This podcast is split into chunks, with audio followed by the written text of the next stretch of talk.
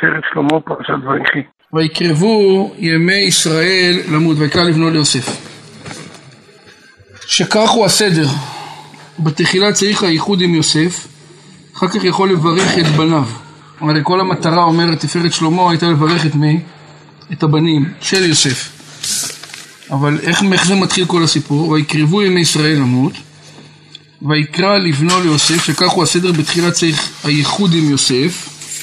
אני אגיד לכם, אני מכל הסיפור פה של הבתיים והתפארת שלמה והנועם אלימלך, בפרשיות האחרונות הבנתי משהו אחר לגמרי ממה שחשבתי עד עכשיו שהבנתי ביוסף. לאט לאט, משבת לשבת אנחנו מתחילים להבין שיוסף הוא אחד מעמודי העולם.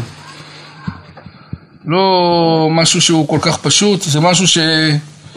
שעד כדי כך שחז"ל כותבים שהוא חקוק בכיסא הכבוד. איפה הוא חקוק בכיסא הכבוד? כתוב שיש ארבע צורות. כתוב שיש ככה, יש ארבעה רגליים, אחד זה אברהם, אחד יצחק, אחד, יוסף, אחד יעקב, אחד דוד המלך. בציורים שחקוקים בכיסא הכבוד יש פני אדם, פני שור, ושור זה יוסף. שור, יוסף נחקק אחרי אביו. יעקב פני אדם, אדם הראשון, ויוסף היה אחריו. זה אומר שאם יוסף הגיע לדרגה שחקוק בכיסא הכבוד, זה אומר שמדובר פה במשהו שהוא מאוד מאוד מאוד עוצמתי בעוצמות. שור, בכור שורו הדר לו, וקרני ראם קרניו. ועשית עמדי חסד ואמת, הוא כותב ייחוד, למה? יעקב הוא תפארת ויוסף הוא יסוד. תפארת, מה זה דרך אגב תפארת? אני לא מבין, אני לא, בוא עזבו את הקבלה כרגע, בפשט, שאומרים תפארת, מה הפשט של תפארת? איזוהי תפארת לא מן האדם, שהיא תפארת גם לא מן האדם ותפארת לעושיה. זה האדם... תפארת, תפארת לא מן האדם ותפארת. מה זה, מה, זה, מה, מה, מה זה ותפארת לא מן האדם? מה זה תפארת? המושג הוא שאתה מצליח למצוא את המינונים, הרי אם אתה עושה חסד, אז לפעמים צריך גבורה, דין. אם אתה עושה דין, הרי לפעמים צריך גם? חסד. אז אף פעם, אף, אף פעם החסד לא יהיה מה מושלם כשלעצמו, והגבורה לא תהיה מושלמת לעצמה. מה כן יהיה מושלם? מי שידע לעשות מינון נכון בין חסד לבין גבורה. מי שידע את המינון, שידע תפארת לא מן האדם ותפארת לעושיה. הוא גם יודע לרצות את כל התהליכים ולקבוע את המינון המדויק שצריך להיות. זאת אומרת, הביאורים פה יעקב הוא תפארת ויוסף הוא יסוד. על ידי ייחוד תפארת ויסוד נמשך השפע לשבטים שהם מבחינת התפשטות השפע. כלומר צריך את נקודת המפגש הזה שנקרא תפארת ויסוד של שתיהם. ועשית עמדי חסד ואמת פירש רש"י חסד שעושים עם המתים הוא חסד של אמת. שאינו מצפה לתשלום גמול. עיין ברמב"ן שהקשה עליו, אגבי אליעזר כתיב גם כן חסד ואמת. הרמב"ן שואל, אתה אומר שיעקב ביקש מיוסף ועשית עמדי חסד ואמת חסד, היה צריך את יוסף כדי לעשות חסד ואמת, איך אליעזר היה מספיק לו מי? לאברהם מספיק את אליעזר, איך אתה תסביר את הדברים? אז הוא אומר ככה, אליעזר אמר ללבן, אם ישכם עושים חסד ואמת את אדוני, לתת את רבקה ליצחק, והרי אברהם עדיין היה חי. אז איפה, ככה הרמב"ן שואל, איפה החסד ואמת שעושים עם אברהם? הרי זה לא חסד של אמת. ככה הרמב"ן שואל רש"י. אתה אומר חסד ואמת, עשית תמיד חסד ואמת, חסד של אמת, עשויים, עושים עם מי? עם המתים. איפה החסד ש... שלבן עשה עם אברהם כשהוא נתן את רבקה? הרי אברהם היה מה? בחיים, זה לא חסד למתים. אך נראה לי להבין דברי רש"י, דיני נודע בספרים, כי יש אשר האדם זוכה לנשמה גבוהה מאוד בשעת תולדתו. ויש אשר אחר כך על ידי עשיית איזה מצווה בכוונה טובה, מתעבר ודבק בו איזה נשמה גבוהה. והכל ידוע ליודעיכם. שמעתם? זאת אומרת, הנשמה משתנה לבן אדם? כן, כן, מתעברת בו תוספת. אני, מישהו סיפר לי, מישהו, מישהו קרוב סיפר לי, שהוא היה סך הכל קשיים, גם רוחניים וגם גשמיים, ונפל עליו יום אחד ניסיון מאוד מאוד מאוד גדול, לא רוצה כלל להיכנס אליו. הוא אמר, הוא הלך, עשה אותו בבכי, ממש, בן אדם בן שלושים, הלך, בוכה כל הדרך. אני אומר, אני לא יכול. אבל אמר, אמרתי, אני חייב לעמוד בדבר הזה. והיה לו משהו, איזה 26 שעות ברציפות, שהוא היה צריך לעשות כמה פעולות. הוא אומר, הוא לא ישכח את החיים שאחרי מהחיים שלפני. הוא אומר, אין תחום בחיים שלא יסתדר לו בתפנית של 180 מעלות. כלומר, בחלק הרוחני הוא ראה סייעתא דשמיא מאוד גדולה, תנופה. כן, זה היה כל כך פשוט, היה לו... זה לא, זה לא ניסיון של רגע, זה משהו ש... איזה, איזה משימה שהוא קיבל, שהוא לא היה חייב, זה מסירות נפש ממש היה.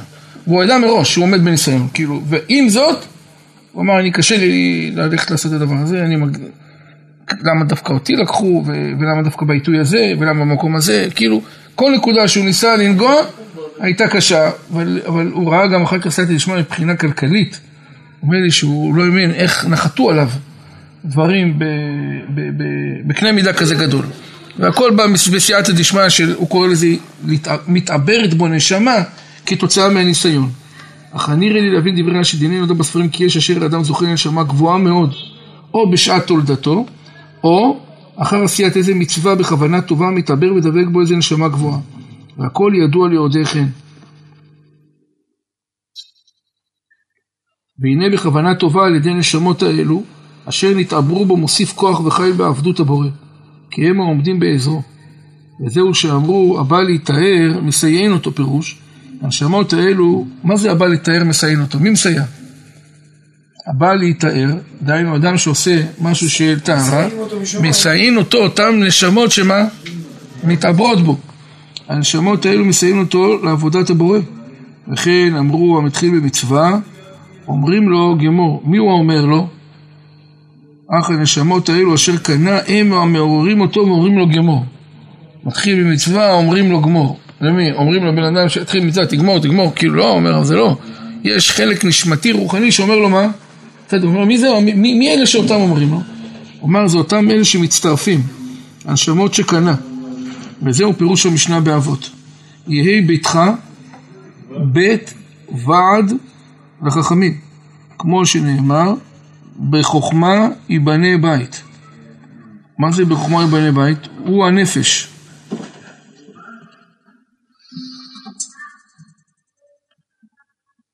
אז הוא אומר ככה, יהיה ביתך בית ועד לחכמים, הכוונה שבחוכמה ייבנה בית הוא הנפש, הבית זה הנפש.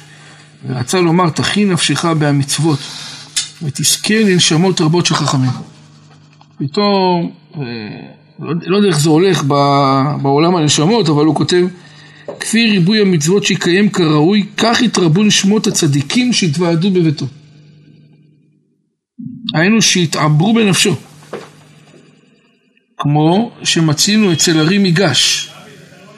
ארי מיגש היה רבו של אביו של הרמב"ם. ארי מיגש, של הרב מימון. רבי משה בן מימון זה הרמב"ם, רבו של רבי משה היה ארי מיגש. הוא כותב, כמו שמצינו אצל ארי מיגש, היה בו כמה נשמות מתנאים. ככה אריזל כותב. ואז תהיה שותה בצמא את דבריהם. תעשה המצוות בחשק רב, כי הם יעוררו אותך. יש, אתה רואה, אנשים שקל להם לעשות מצוות, אתה בא להגיד להם, בוא תלמדו, בוא תקיימו, אתה רואה שהם קלים. אומר, מאיפה באה הקלות נפש הזאת? בכל זאת, הרי יש סוג של קושי. הוא אומר, מי שדוחף אותו קדימה זה מי זה? זה אותם נשמות האלה שמסייעים אותו כתוצאה מהמצוות. וזה שנאמר במלאכת המשכן, וכל חכם לב בכם, יבואו ויעשו, הם הנשמות המעוברים בכם. יבואו ויעשו כל אשר ציווה השם, וכן כתיב, ויעשו כל חכם לב בעושה המלאכה. כי הנשמות העליונים עשו עמהם לכוון במלאכת המשכן בסודות העמוקים. וזה כוונת רש"י. אומר רש"י, מה, חס, מה זה חסד של אמת? חסד עם המתים. אומר איזה מתים? מה, אברהם היה חי. אין אינטרס. אז איך, איך זה? אז הוא אומר, וזה כוונת רש"י חסד שעושים עם המתים, היינו שהמתים הקדושים עושים עמו. חסד שעושים עם המתים. מה, מה הפירוש? חסד שעושים... או, אבל אה, זה למה עם המתים? זה חסד שהמתים עושים לכאורה. חסד שעושים עם המתים הוא חסד של אמת, כי הם בוודאי כוונתם אמיתית, ואינם מצפים לתשלום גמול, ובלי שום כוונת זולתו. כי יש חסד, חסד שעושים עם המתים. מי אלה המתים? אותם נשמות שמתעברים. אז הם חסד של המתים, חסד שהמתים עושים מי? עם האדם הוא נקרא חסד של אמת. הם עוזרים לו ועוזרים לו ועוזרים לו ללא בקשת תמורה בשום צד. ורב, וזה נקרא חסד שאי אפשר לבקש ממנו כלום. לא, הוא אמר, חסד של אמת, רש"י כתב חסד של אמת זה חסד עם המתים. אז שואל אותו הרמב"ן את רש"י, הרי נאמר חסד, ועשיתם, עמדי חסד ואמת, גם אמר אליעזר למלבן, וראה אברהם היה מה? בחיים. אז איזה חסד של אמת עושים אברהם? הוא חי.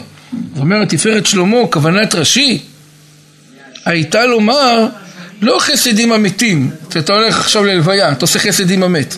חסד עם המתים, הכוונה זה חסד של המתים כלפי האדם. איך יכול להיות חסד של המתים כלפי האדם? זה חסד של אותם נשמות שמתעברים בו, שעושים איתו חסדים. לא, למה זה מופנה ללבן? אם היה מנהל דיאלוג עם הנשמות, אני מבין. עשיתי חסד באמת, אתה... לא, אז הוא רצה להגיד, עכשיו מה זה, ומה, ומה הפירוש של החסד הזה? שאין לו תמורה. זה החסד הכי אמיתי שיש. אותם נשמות שעושים חסד עם הבן אדם ומסייעים אותו, לא, לא, לא מחכים לשום מה? ציפייה של משהו. וזה שהוא רוצה להגיד בנקודה הזאת. בואו נראה איך הוא מצטרט את זה. כן. הוא אומר, אין... אה? כאילו, איתי חסד כמו שהמתים עושים. נכון הוא מאוד. בלי תמורה, זה הכוונה, לא שעכשיו יש פה מתים שדואגים, כן. כאילו. אין הפירוש חסד שהחיים עושים בעבור המתים. הוא הופך את זה, כן? חסד של אמת, התפארת. שלמה הופך את המהלך. מה זה חסד של אמת בכללי שהוא אומר? זה חסד שאדם עושה עם מי? עם מת. פה זה לא חסד שאתה עושה עם מת, זה חסד שהמת עושה איתך, חסד עם המתים. יש חסדים שבאים עם המתים. כן, זה בדיוק הפוך. אלא חסד שעושים החיים יחד עם המתים, שהמתים משתתפים עם החיים במעשה המצוות ומורים לסיים אותם. או, זה עוד יותר. אה, אומר להם כאילו, תקיימו מצווה וככה תעשו אז ככה, אז אם זה ככה, אז חסד שעושים עם המתים. עכשיו זה עוד יותר. אתה גורם, לה- אתה נותן לנשמה הזאת פתח להצטרף אליך. ואז, אז עשית את החסד. לא. אז הוא אומר לא, בסדר, זה מה שאמרנו בהתחלה, עכשיו אומר ככה. כשאני עכשיו בא לעשות איזה מצווה והיא קשה לי, ופתאום נשמה שהתעברה בי, מה אומרת לי? בוא, לא, אני אעזור. מתאבלת בך נשמה. בניסיון, מניסיונות, ש- זה מה אמר בחלק הראשון בהקדמה. בניסיונות, בניסיונות שאדם עומד, מתעברים בו נשמות.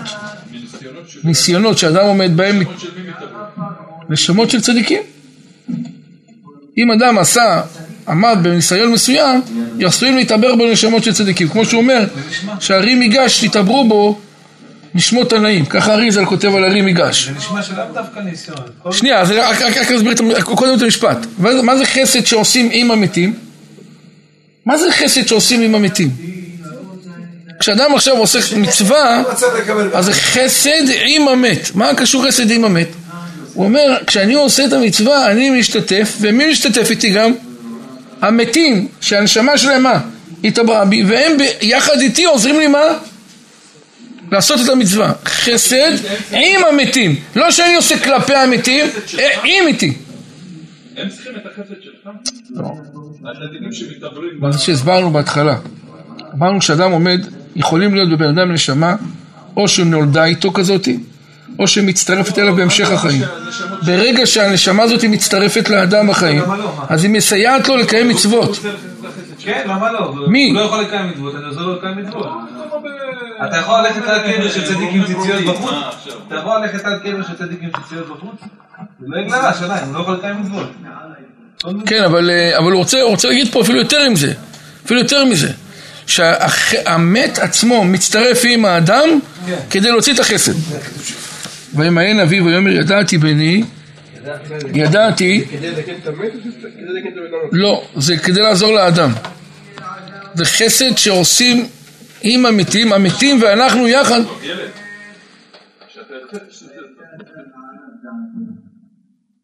הוא יהיה לעם, אומר אין אביו ויאמר ידעתי בני ידעתי, גם הוא יהיה לעם וגם הוא יגדל, ואולם אחיו הקטון יגדל ממנו וזרעו ימלוא הגויים.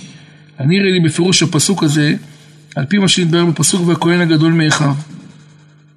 רמז למעלת הצדיק המשפיע כל טוב ומעורר חסד העליון. על ידי זה שכל מגמתו וחפצו לראות בטובת בני ישראל. הייתי היום באיזשהו כנס, מישהו ציטט שם את ההקדמה של רב חיים מוולוז'ין, את ההקדמה של הבן, יש לנו פה אה, נשמת חיים, לקחנו אותו, את, הרב חיים. אומרת שהבן שלו כותב שם שהאדם נבחן כמה הוא יודע להרגיש מה שאדם אחר עובר. הוא כותב פה גם, הצדיק והכהן הגדול מאחיו.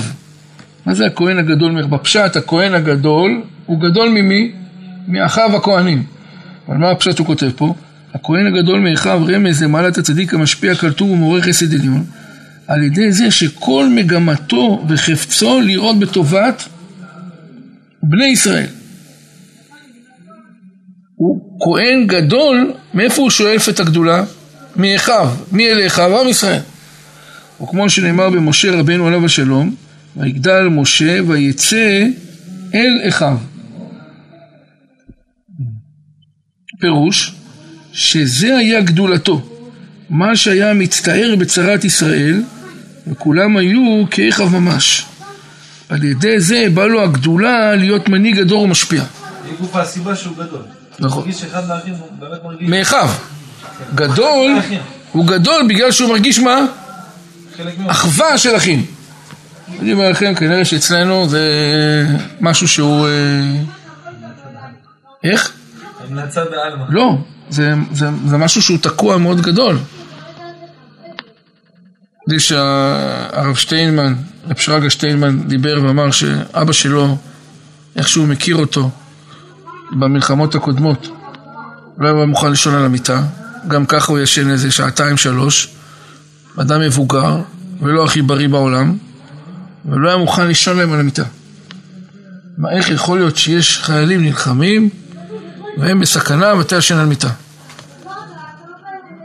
אני לא אומר שמישהו עומד בזה, אני שואל מי חשב על זה בכלל?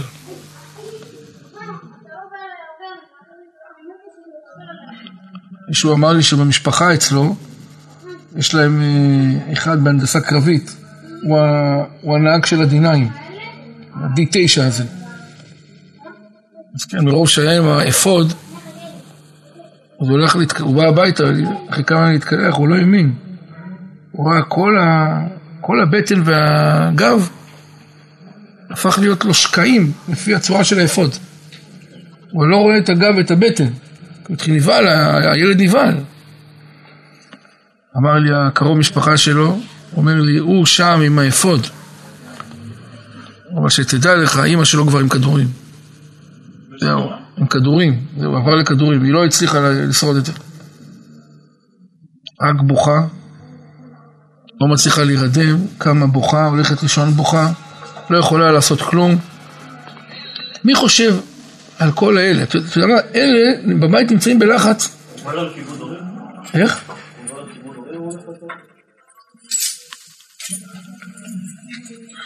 אני לא יודע להגיד, אני לא רוצה להתייחס, אני לא יודע להגיד, לא, אני לא יודע, לא, אני לא יודע בכלל להתחיל את השאלה הזאת, אני לא יודע, לא יודע, לא לדון בדבר הזה, לא, הוא מקיים פה איזו מצווה גדולה, מסירות נפש גדולה, ואימא שלו אומרת, אבל אני- לדעתי זה לא האישו, האישו זה, האם אתה, בוא, בוא ניקח דוגמה, אם אדם נניח עכשיו, אה, סתם, אני בכוונה סתם זורק דוגמה, אתם תעצמו עין, תפתחו עין.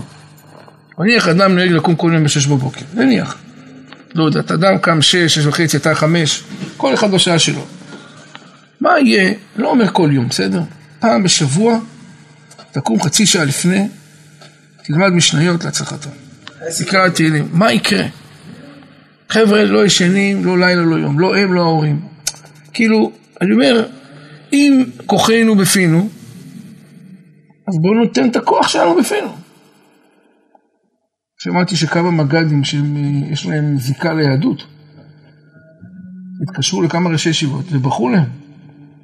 אחד מהראשי ישיבות אמר להם, תגידו לתלמידים, תראה זה מג"ד, תגידו לתלמידים שיגידו תיקון חצות, כוונה. אנחנו, פעילו, רוב הפעילות שלנו זה בחצות להם. אתה, לא יודע, אני, אני חושב שזה משהו שאצלנו נאטם, וזה מראה על סוג של קטנות. הגדול והכהן הגדול מאחיו. ככה הוא כותב, ויגדל משה ויצא אחיו. ככה גם אה, ראיתי שהרב ברגמן מסביר מה זה ויגדל משה ויצא אחיו. ברגע שהוא יצא לאחים לעזור להם, התורה כבר הגדירה אותו כמה? גדול, ויגדל. ויגדל משה ויצא אחיו. נעשה מה? גדול. כי כן עיקר העבדות של בני ישראל להיות בבחינת הערבות. תראה מה זה, זה הגדלות. מה הוא כותב? כי כן עיקר העבדות של בני ישראל להיות בבחינת הערבות כל אחד בעד חברו. כמו שנתבהר במקום אחר, משרתיו שואלים זה לזה. איפה זה כתוב? משרתיו שואלים זה לזה בקדושה. איזה קדושה? ואנחנו גם אומרים, כתר. בכתר זה נקרא קדושת כתר, זה הקדושה הכי מה? גבוהה, אנחנו קוראים לזה במוסף, וזה נקרא קדושת כתר, מה זה? הוא אומר, מה זה הפירוש משרתיו שואלים זה לזה? פירוש, הם המשרתים ההולכים בדרך הישר בעבודת השם ברוך הוא, כאשר הם שואלים ומבקשים זה בעד זה, ככה גם הרב וולבר כותב בתהליך. הוא, הוא, הוא הביא את זה על משהו אחר, הוא הביא, בתפילה כתוב, אה, שעתם שואלים זה מזה, אנחנו אומרים ביוצר, ביוצר. זה מזה אנחנו. לא, אה, יש לך ביוצר. אה, לא, ממש לא, לא, לא, אבל יש ביוצר, יש לי אותך בנחת רוח בשפה ברורה. לא, ביוצר, ביוצר. איך אתה אומר זה מזה? או, ונותנים רשות זה זה להקדיש לאוצרם מלכת רוח בשפה בירו ולמען קדושה כולם כאחד עולים בהמה ואומרים מה זה הנקודה הזאת? לא וזה לזה. שנייה אחת. בתפילה כתוב ככה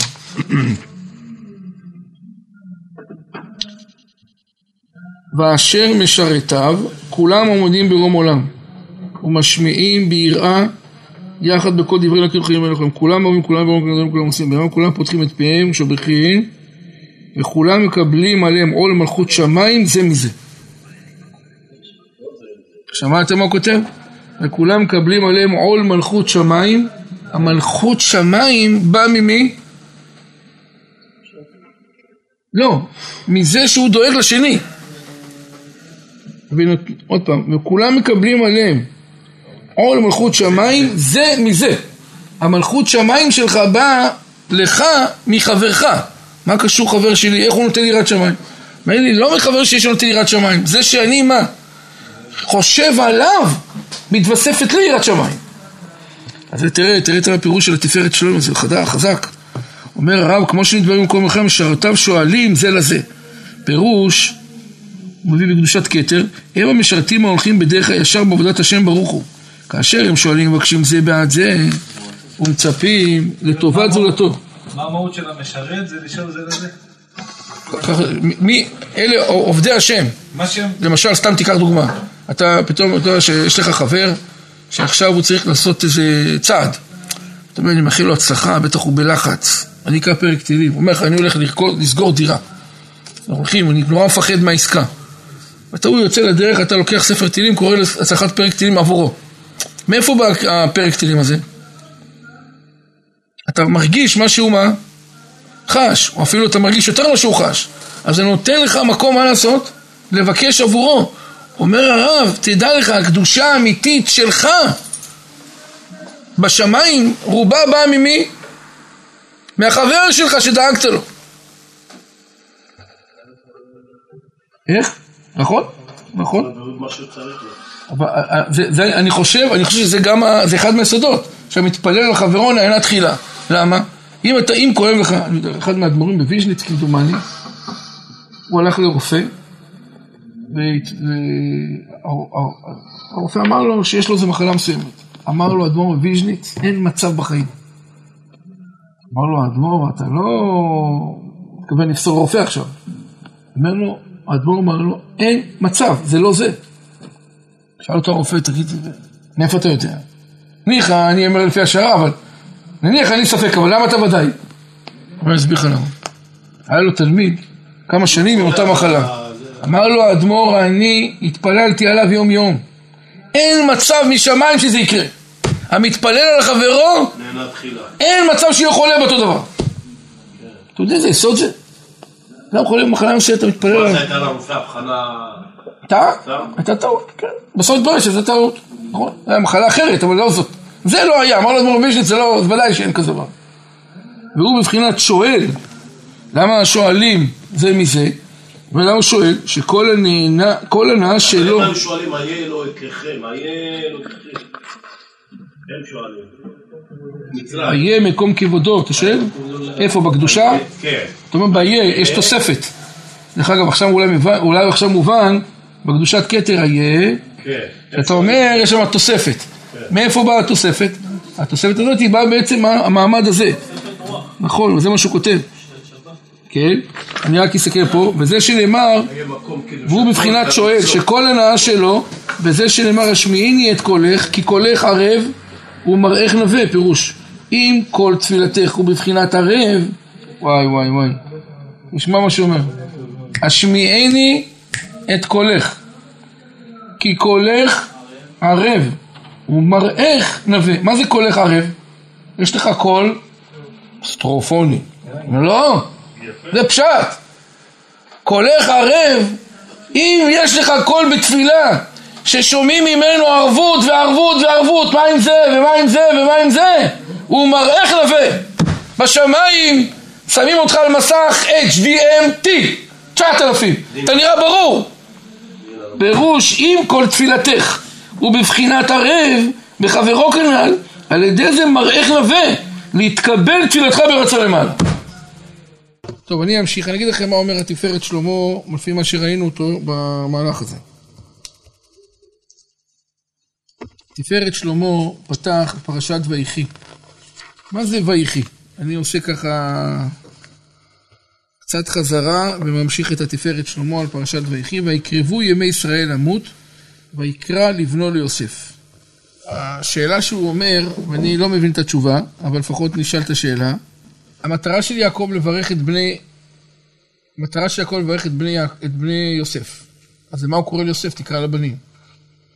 ויקרבו ימי ישראל למות, הוא רוצה לברך אותם, את אחד אחד שנכנסים פנימה לתוך המערכת, ואצל יוסף הולכים להיכנס שתיים במקום אחד, במקום יוסף.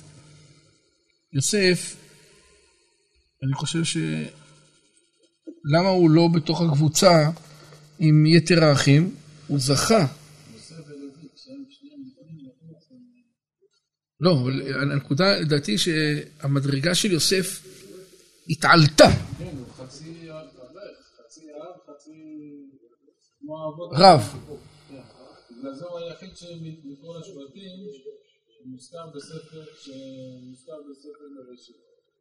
כל האחרים אה, מתו אחרי ספר בראשית. נכון. אבל בנקודה הזאתי, שיוסף זכה להגיע לדרגות מאוד מאוד גבוהות של מה? של קדושה כתוצאה... אומרים שהגדולה, כמובן שאנחנו לא יודעים מה זה מידת היסוד, לא יודע מה זה תפארת, אבל תפארת יעקב, בספר- מה שאנחנו יודעים זה שמי שנשק את דרגת יעקב, חקוק בכיסא הכבוד זה יוסף, שגם הוא זכה להיות בכיסא הכבוד. הרי כתוב ארבעה דמויות, אדם שור, אדם זה יעקב, שור זה יוסף. תשמעו, זה לא כל כך פשוט. מדובר פה בכוכב לכת. שור, שור, בכור שורו. מדרש כותב, בכור שורו הדר לו, זה יוסף. שזה...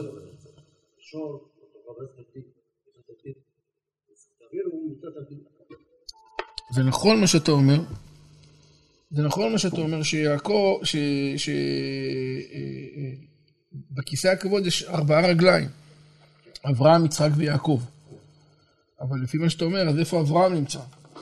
נניח שאתה מוצא את יעקב אדם, אבל החשבון שעשו, החשבון שעשו זה בני אדם, יש ארבעה דמויות. יש לנו אדם, שור, נשר ואריה.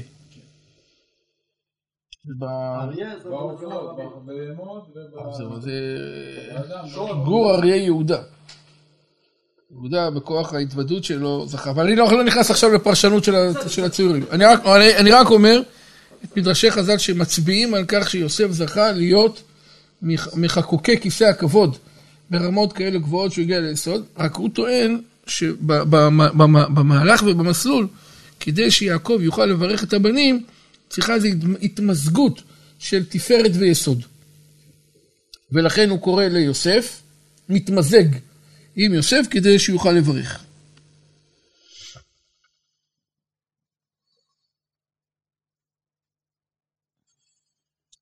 זהו, אני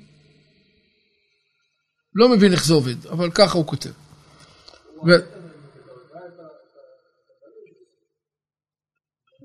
כן, הברכה הולכת להחשיב אותם כשבטים, אפרים ומנשה, כי ראובן ושמעון יהיו לי. הם הולכים להיות. כדי שהדבר הזה יוכל לקרות, יעקב אומר, אני צריך אותך יוסף, בתוך התהליך. ככה הוא קורא, ויקרבו ימי ישראל עמוד, ויקרא לבנו ליוסף. ומה המטרה? לברך את מי? את אפרים ומנשה. לכאורה הוא צריך לקרוא לאפרים ומנשה, לא לראובן ו... כן, כל התהליך. במטרה יש שתי מטרות, אתה צודק לגמרי, עכשיו אנחנו מתעסקים במטרה השנייה. שהוא צריך, הוא מבקש לקבור אותו בארץ כנען. לכן הוא קורא ליוסף. אבל במטרה המשנית שהוא קרא, זה לקרוא, זה לקרוא ליוסף כדי להתמזג איתו, על מנת שיוכלו מה? לברך. ככה הוא כותב התפארת שלמה. ועשית עמדי חסד ואמת. מה זה נקרא חסד ואמת? רש"י, זוכרים את רש"י? יפה. רש"י אומר, חסד שעושים עם המתים. מה מבינים מהמושג הזה חסד שעושים עם המתים? מה זה, מה זה חסד שעושים עם המתים? לא. כשאתה עושה למישהו טובה, הוא מחזיר לך. עושים את זה למת, אתה לא מצפה שהוא יחזיר לך. אז איך צריך להיות הכתוב? חסד שעושים עם המת? לא, חסד של אמת זה החסד של המת. חסד שעושים למת. אבל לא כתוב ככה. כתוב חסד שעושים עם המת. קצת קשה, לא? אז עכשיו, כל מקום שעושים עם המת, לכאורה למה חסד מה? ואמת. שואל הרמב"ן על רש"י, עיין ברמב"ן שהקשה עליו. אגב אליעזר כתיב, גם כן חסד ואמת. זוכרים איפה? אליעזר פונה ללבן, ועשית חסד ואמת עם אדוני. ואדוני אברהם, תן לי את מי? את לאה. אברהם היה בחיים? רבקה. אברהם היה בחיים? אז למה, למה הוא אומר לו עשית חסד ואמת עם אברהם? עם מי שבחיים לא אומרים חסד ואמת. אולי לצאצאים, שזה לצאצאים, כי אליעזר הלך להביא כלה לבן של אברהם, ליצחק. ליצחק. נו. אז הוא אמר לו, אדוני ביקש שתיתן לי את, מי? את, את רבקה, נכון. את הכלה. אז תעשה חסד ואמת עם מי? עם אדוני. עם אברהם, למה? נו. כי השושלת ממשיכה, אם הוא לא ייתן לו... אבל עכשיו, בסדר, זה, זה עוד דרשנות. עכשיו בפשט זה חסד ואמת כלפי אברהם, בשוטף. איפה, איפה, איפה, איפה המת פה? מי זה המת? כ- ככה הרמב"ן שואל על רש"י. נכון, אבל זה לא חסד ואמת. זה חסד ואמת, שתי דברים שונים, נכון? זה שאלת הרמב"ן. אך הנראה. לחצנו כמו שצריך. אך הנראה לי להבין דברי רש"י. תקשיבו טוב עכשיו מה רש"י כותב. נודע בספרים כי יש אשר האדם זוכה לנשמה גבוהה מאוד מיד בשעת תולדתו. כשאדם נולד, יכול לזכות לנשמה גבוהה. מה, מה זה נשמה גבוהה, נשמה נמוכה? מה היא נפקא מינה? מי מבין כרגע בעולם הזה? יש מחסן.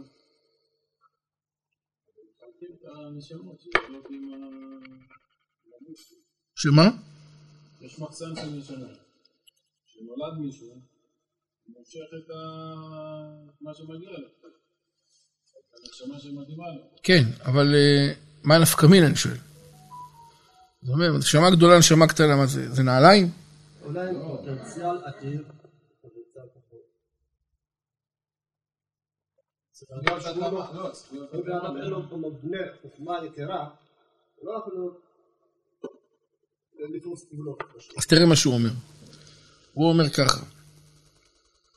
אני אגיד לך, אתה, לך היום התמודדות לבוא לשיעור או לא לבוא לשיעור, נכון?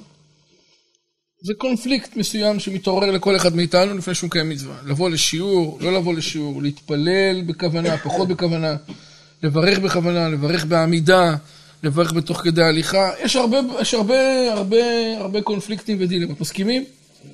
איך האדם מקבל החלטה? לפי רמת הקושי. ורמת מה? הכוח שמושפע על הקושי.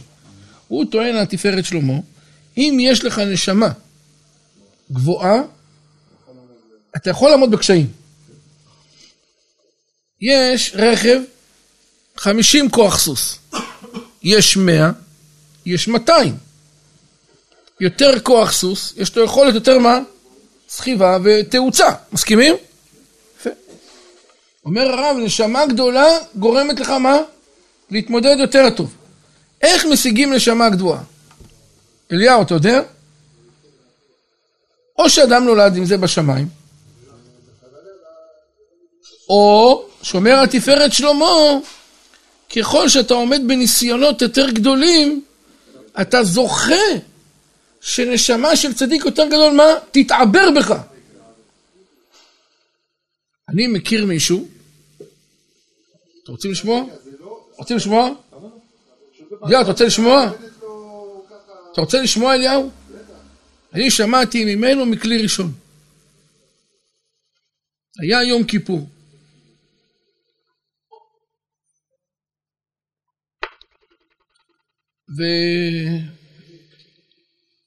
וערב כיפור הוא מקבל טלפון, פונה אליו אישה.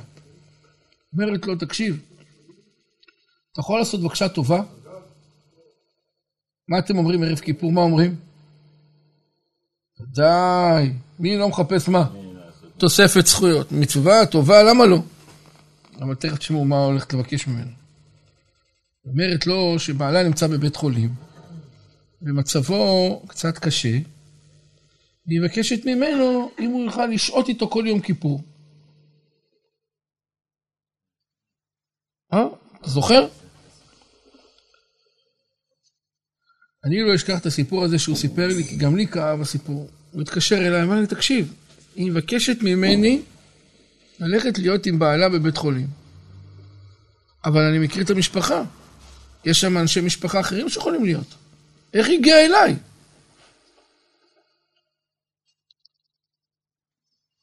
אז הוא אמר לה, מה, אין אף אחד? הוא רמז. אין אף אחד שיהיה? הוא אמר לו, לא, אין אף אחד שיהיה. אם אתה לא יכול, אז הוא יישאר בלי. זהו, על המצפון שלך. אם הוא ימות, אוי ואבוי לך.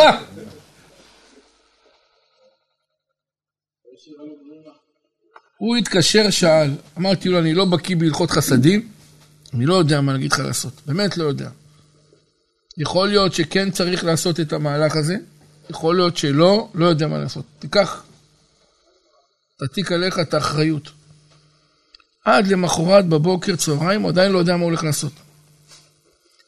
הגיע זמן תפילת מנחה, כלומר הוא קיבל החלטה שהוא הולך.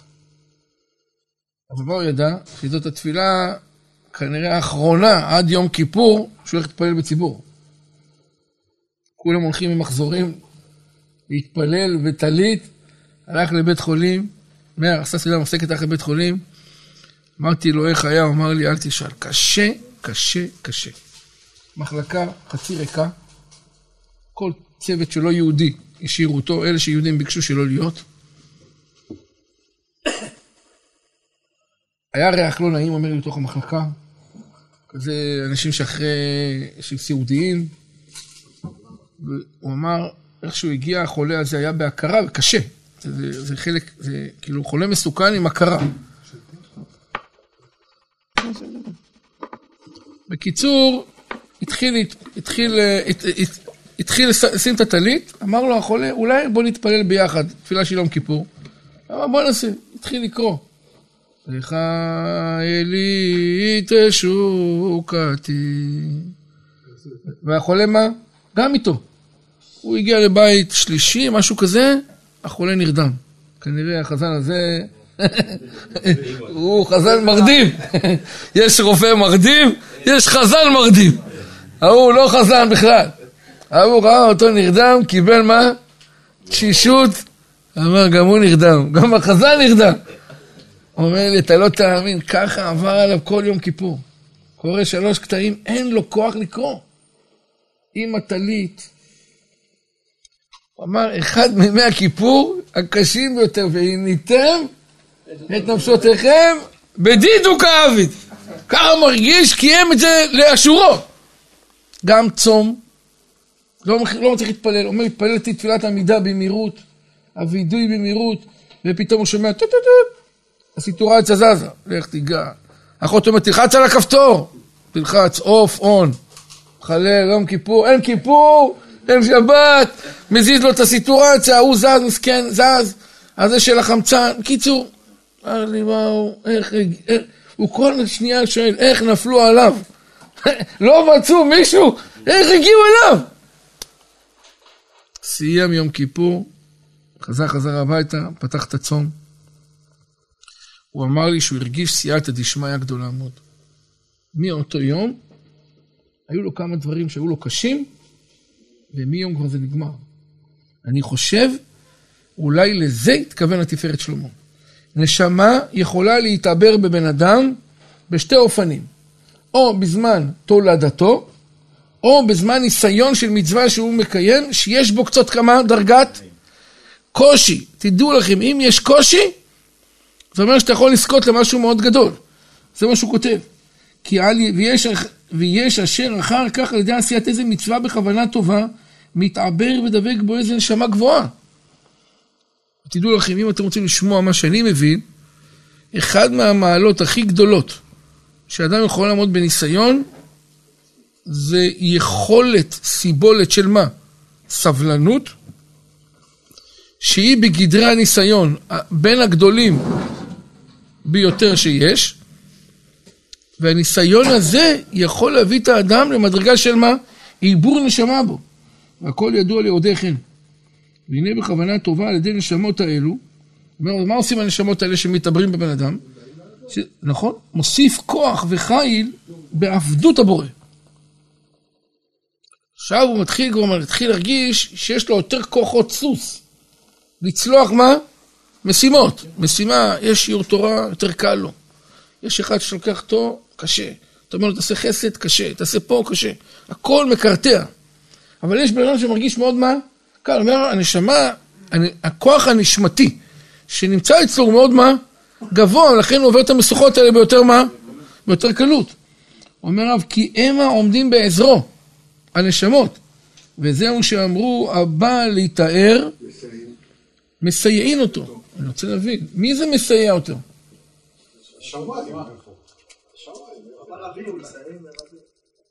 איך משמיים מסייעים? אומר הרב, מסייעים משמיים על ידי זה שנותנים לו נשמה, כוח נשמתי. כלים איך להתמודד. כוחות נשמתיים של צדיקים שמתווספים אליו ועוזרים לו לצלוח. נשמה יתרה, יותר קל לך. אבל יותר קל בגלל שאנחנו לא צריכים לעשות משהו, מספיק השבת לתת לנו את זה. נכון מאוד. זה בדיוק על אותו משקל. בשבת אתה, אתה מתעבר בנשמה מה? תוספת של נשמה שמקלה עליך להתמודד עם uh, משימות יותר קל, יותר קלות. אומר הרב, פירוש הנשמות האלו מסייעים אותו לעבודת הבורא. וכן אמרו המתחיל במצווה, אומרים לו גמור. מי זה אומר לו? מי זה המתחיל במצווה אומרים לו? מי אומר לו? לא אתה, הנשמות שלו אומרים לו, תסיים, תסיים. אתה, נשאר לך מה? קצת, אתה כבר מה? מתקדם.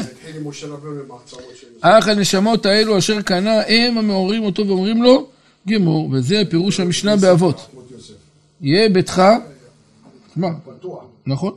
יהיה ביתך בית ועד חכמים. לחכמים. מה הפירוש? יהיה ביתך בית ועד לחכמים. אומר הרב, שמעתם? יהיה ביתך בית ועד לחמים. התפארת שלמה, רק תבינו טוב. כל מה שאתם לא יודעים, הוא בא להגיד לנו. כלומר, כל מה שהוא אומר, כנראה שאנחנו לבד מה? לא יודעים. בגלל זה הוא בא לומר. מה זה יהיה ביתך בית ועד לחכמים? אתה אומר, בואו נעשה מהבית שלי מה? זה נכון.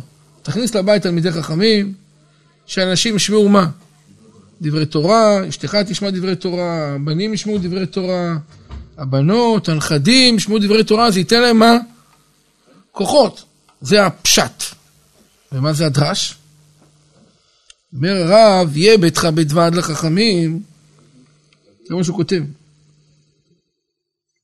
כמו שנאמר. בחוכמה ייבנה בית. אומר הרב, מה זה הבית? בחוכמה ייבנה בית. יש שיר כזה, כן? בחוכמה. מה זה? מה הפירוש? כשהבית המקדש נבנה,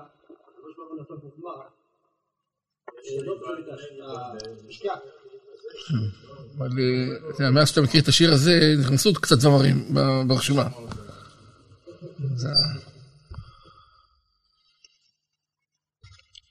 חוכמה ייבנה, בנה בית, זה זה שיר חזק. הנה, יוסף שיר לך את זה יותר טוב, אתה רוצה לשיר יוסף? חוכמה, חוכמה. כן. כן. מה הפירוש? אומר הרב, בחוכמה ייבנה בית הוא הנפש. הבית זה מושג מושאל לנפש. יש לכל בן אדם נפש, זה נקראת בית. ורצה לומר, תכין נפשך בהמצוות, ותזכה לנשמות רבות של חכמים.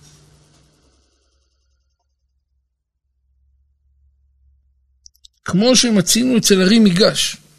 אומר הרב, אם תכין את הנפש לקיבולת של חכמים, לנשמות נוספות, אתה תראה שהבית שלך מה? יכול להכיל עוד נשמות. בית ועד להרבה נשמות. כמו שהארי ז"ל העיד. אתם יודעים מי זה הארי מיגש? כמדומני שהארי מיגש הוא רבו של אביו של הרמב"ם. מי? כן. הוא אביו של הרמב"ם. לא. הוא, לא אביו, הוא, הרבו של אביו של הרמב"ם. ארי מיגש היה רבו של אביו של הרמב"ם. ומה כותב ארי מיגש? סליחה, מה כותב האריזל על ארי מיגש? כנראה שארי מיגש היה אחד מעמודי התווך הגדולים. הוא אמר שהיו בו כמה נשמות מתנאים. דרך אגב, פעם ראשונה שאני שומע את המושג הזה, אני יודע שיש נשמות, כאילו, אדם מתגלגל בנשמה, אבל פעם ראשונה שומע את המושג הזה, מתעברת בו נשמה תוך כדי מהלך, תדלוק מהאוויר. באמצע החיים, פתאום מה? מתעברת. לא יודע אם זה דיבוק, לא יודע. זה שלום. מה זה הדיבוק? זה נקרא אה, שומע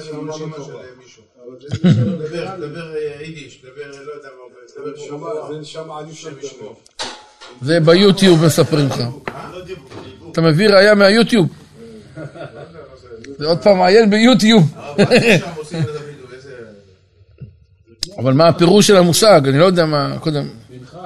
נכון, נכון, אצל פנחס נאמר שם. התעברה בו. נכון. נכון. התעברה בו נשמה. תוספת נשמה, הוא אומר שהוא כבר לא, הוא לא בא בכוחות, הוא לא בא בכוחות הראשונים שלו. יש, נדב ואביהו, נכון. כן, תוספת כוח, מה שנקרא. זה, אתה לא כבר בא לבד, אתה בא עם נשמה שהיא משוחררת גש, גשמיות ונותנת לך בכוח. ואומר הרב, ת, ואז תהיה שותה בצמא את דבריהם. יהיה ביתך בדבעד לחכמים, הווה שותה בצמא. אתה תראה שדברי תורה, כשתתעבר בך נשמה, יהיה לך מה? צמאון. וזה שנאמר מלאכת המשכן, וכל חכם לב בכם, ככה מסביר, יבואו ויעשו. מה זה חכם לב? אז יש בזה הרבה פרשנות, כן? חוכמת לב. חוכמה, מה זה חוכמת לב? זה אומר, יבואו ויעשו, הם הנשמות המעוברים בכם. מי שהתעברה בו, נשמה גדולה, שיש לו יכולת להבין דברים יותר עמוקים, שיבוא לעבוד מה? את עבודת המשכן.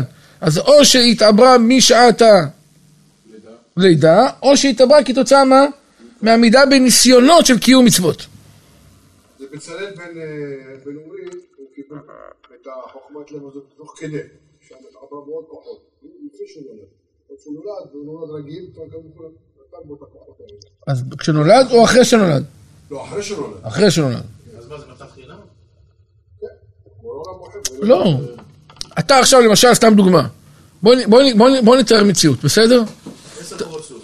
מקבל עוד 15 נניח, היית פעם באושר עד? באר שבע אני מתכוון. היית פעם? יופי. נניח אתה הולך לעשות קנייה בשעה שש וחצי. שבע וחצי, סיימת את הקנייה. אתה הולך לקופה, פתאום מישהו נתקע שם עם איזה משהו, עשרה לשמונה, רבע לשמונה. אתה, יש לך שיעור בשמונה, נכון? מה אתה עושה? זורק את העגלה. לא זורק, למה עצבים? לא זורק את הגלה. לא זורק את. אתה הולך, אתה הולך לקופה הראשית, אתה אומר, תקשיב טוב, אני, יש לי שיעור בשמונה, אני רואה שאני מתעכב.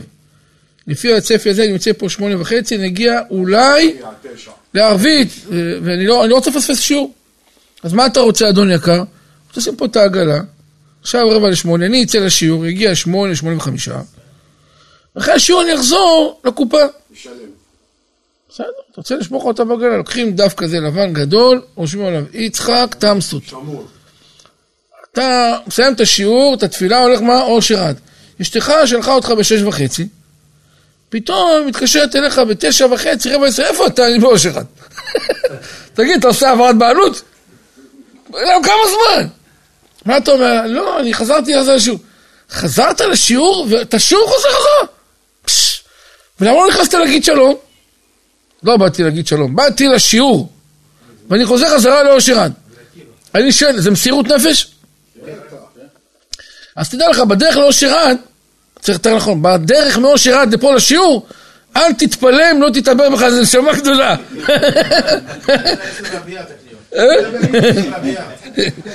אתה תראה, אתה תראה, אתה תראה שזה נשמה גדולה מה? מתעברת, ונניח יתפוס אותך שוטר בדרך, יגיד לך, אדוני, תעצור בצד, תדע לך שאתה לא בא למטבע נשמה. אחי, אני לא עשיתי לך כלום. סע, סע, אחי, סע. למי הוא אמר סע? אחי, זה לא לך הוא התכוון. למי הוא התכוון? לנשמה, תראה מה הנשמה, משחרר את מה? משחרר את הכל. לא, וגם שמה, מה? לא, מתאבר, לא, אתם חשבתם שעשיתי צחוק, אני בכלל לא צחקתי. יש אנשים שככה, יש כאן אנשים שככה מתנהלים. כל הזמן, כל הזמן. זה ניסיון. בשיעור של עיבור נשמות, שאם בן אדם כועס, מסתלקת הנשמה. אז אביעד אמר תיקון שאני מקבל, לא יודע, אבל אני מקבל מה שאביעד אומר, זה הגיוני. הוא אמר, זה תנאי עד שאתה חוטף עצבים, במילים אחרות. אם אתה חוטף עצבים, הנשמות, אצל הצדיקים לא אוהבות עצבים, לא אוהבות רעש. לא עבירה אולי, אבל לא עושה עבירה. לא יודע, לא יודע, לא- אולי, אולי לא, אולי לא. אולי בעצבים הם הולכים. כי הם לא אוהבים מה? אנשים עצבנים. לא אוהבים עצבנים. כן.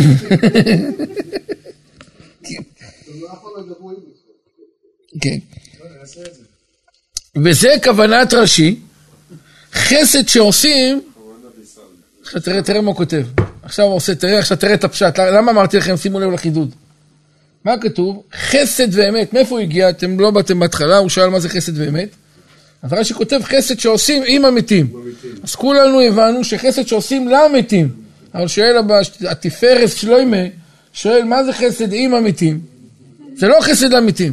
אומר הרב, פתאום אתה רואה שאתה הולך עכשיו לקיים איזה מצווה. נניח עכשיו, בוא ניקח, נניח שיצחק תמסות עשה את זה. וחזר מאושר עד ולא נכנס הביתה, כמו רבי עקיבא. למה? אתה לא מחזיק ממני שאולי אני... אמרתי, אמרתי, לקחתי אותך, אמרתי לך ארבע פעמים, עכשיו אני מקווה שזה יקרה. למה אמת? נניח, נניח עכשיו, שטיפת מוח זה עכשיו. מה זה אמת? פעם אתה לא מאמין, אז תהיה בתמונה. חסד ואמת, למה דווקא אמת? תעשה חסד טוב. שנייה אחת, אז אני כבר מסביר, שנייה. לא.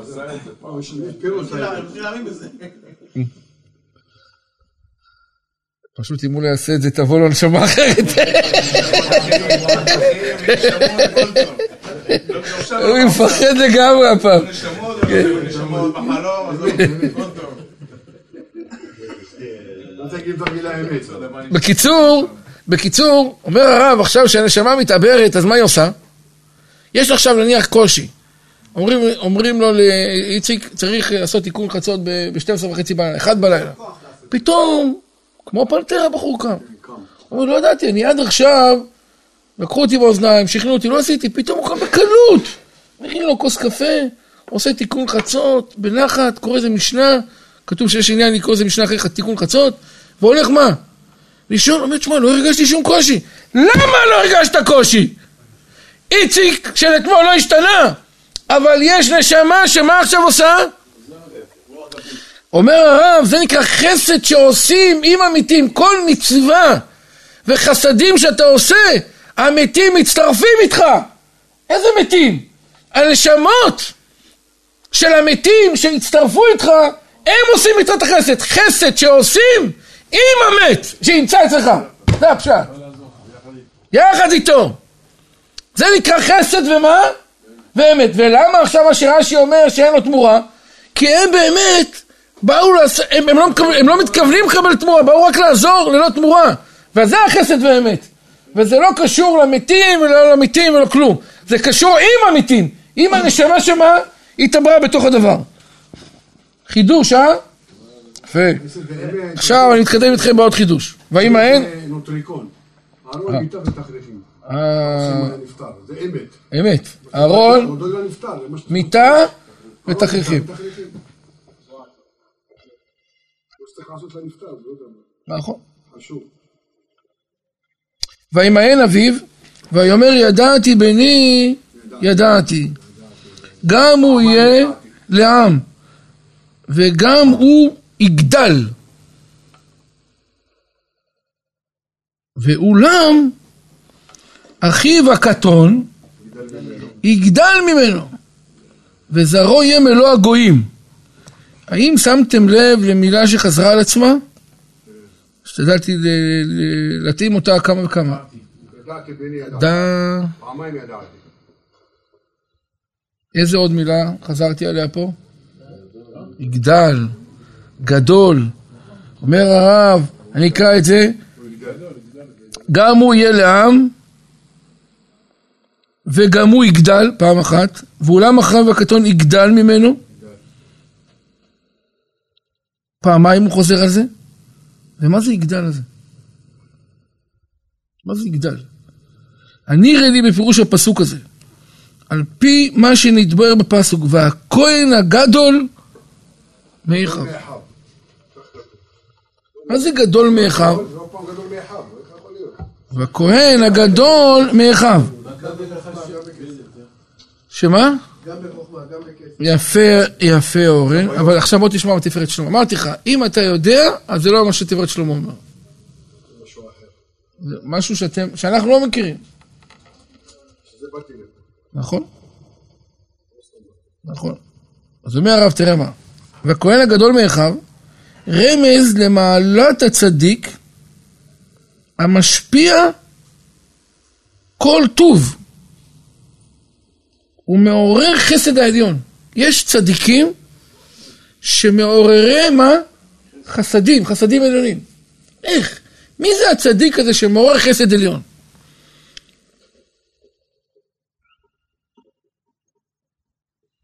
אתם זוכרים, אני לא יודע, אני, תסלחו לי שאני נכנס פה, אבל זוכרים את הבני יששכר? שכשאדם מתפלל, אז תוקעים את התפילה. כי מי זה מתפלל? זה שדיבר לשון הרע, זה שלא מברך כמו שצריך, זה, זה, זה, זה, המלאכים לא נותנים לתפילה, מה שנקרא, להתרומם. תוקעים אותה בדרך. כי מסתכלים בפנימיות של המתפלל, ואם אינו ראוי להגיע לפני כיסא הכבוד, אז... אה,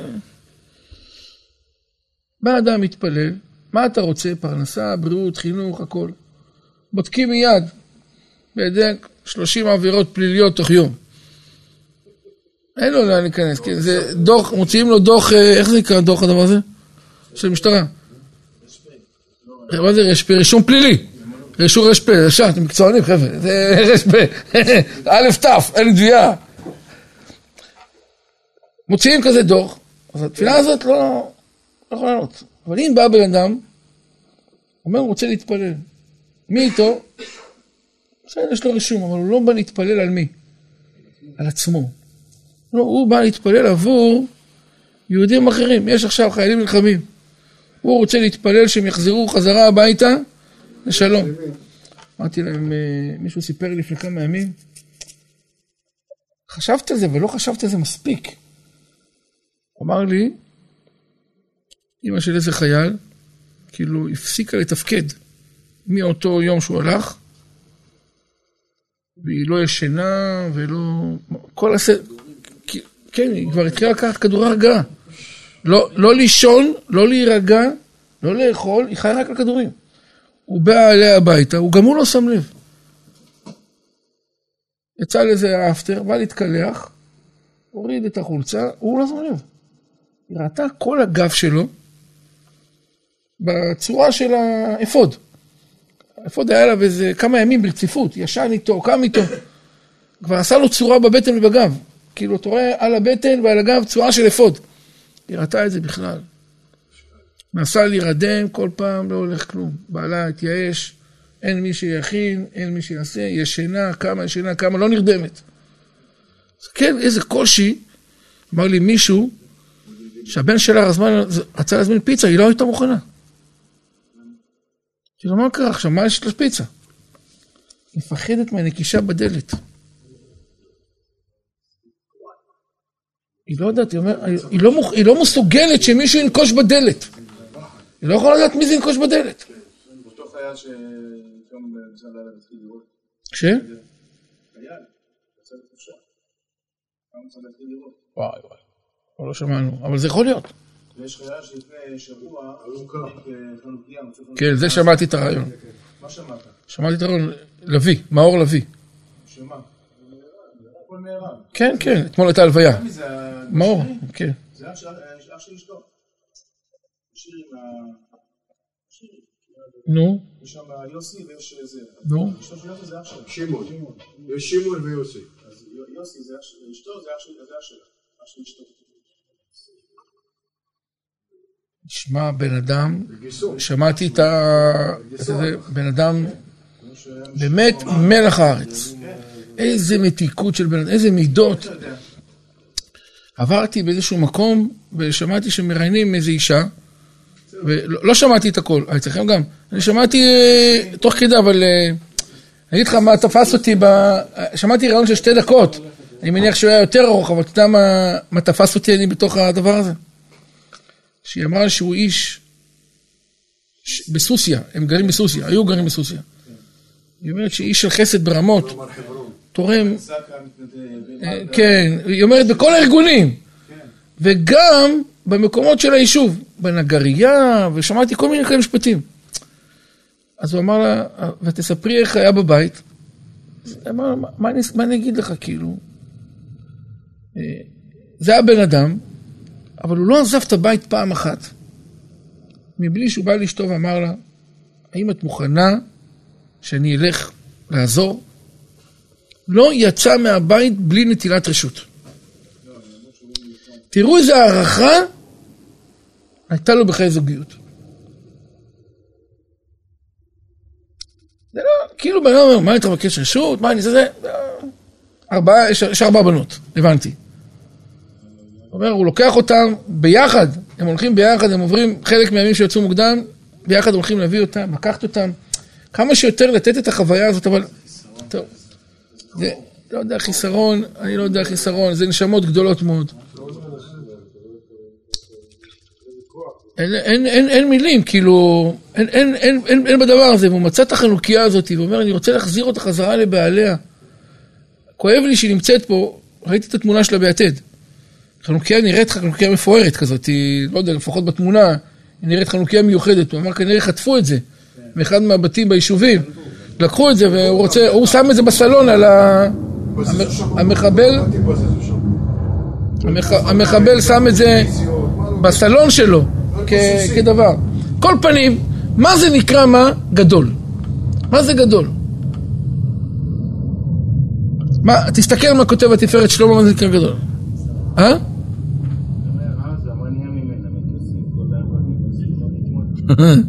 טוב, השם יעזור.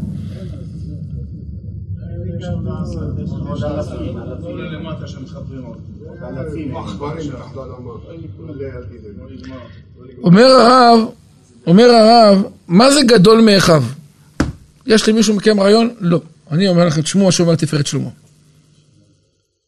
רמז למעלת הצדיק המשפיע כל טוב ומעורר חסד העליון. אמרתי, כשאדם הולך להתפלל, יכולים לטעות לו את התפילה שלו כי הוא לא ראוי.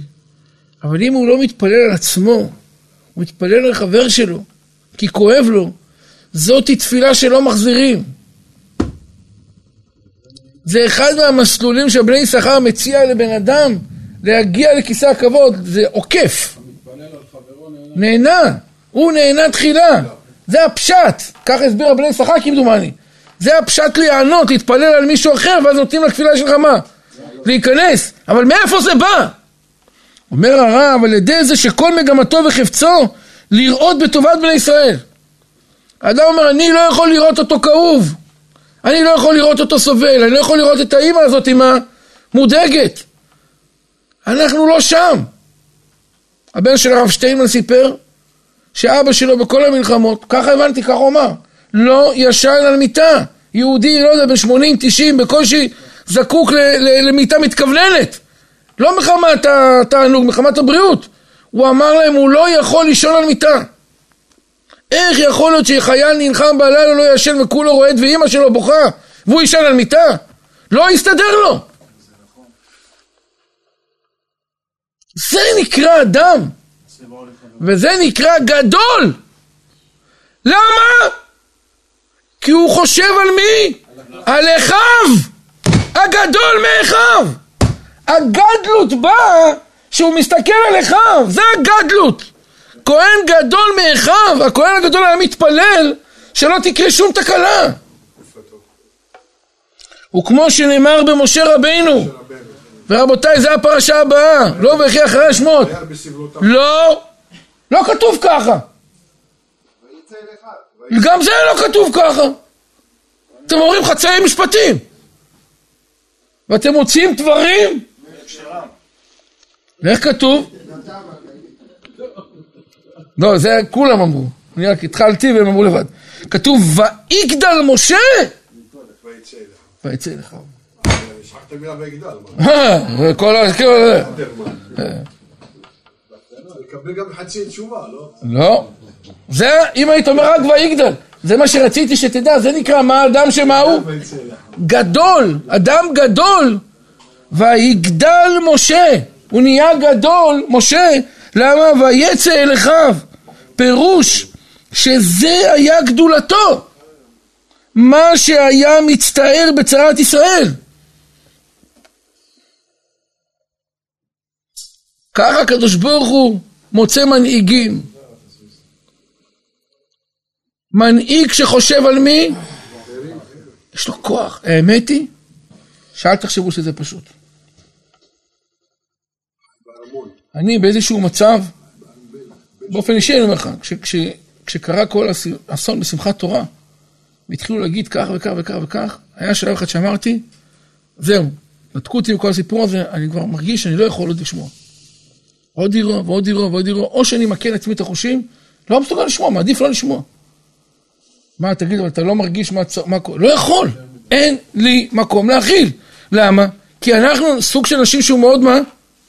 קטן. הנפח שלנו הוא מאוד קטן, הוא לא יכול להכיל מה? יותר אירועים, דרך אגב, זה חד, חד ושלום, מפה יכולים להיוולד מה? התקלות הגדולות. אני מציע, מי שלא יכול להכיל, שלא ישמע ולא יכיל. אבל אנשים גדולים, יש להם נפחים מאוד גדולים להצטער בצער רבים.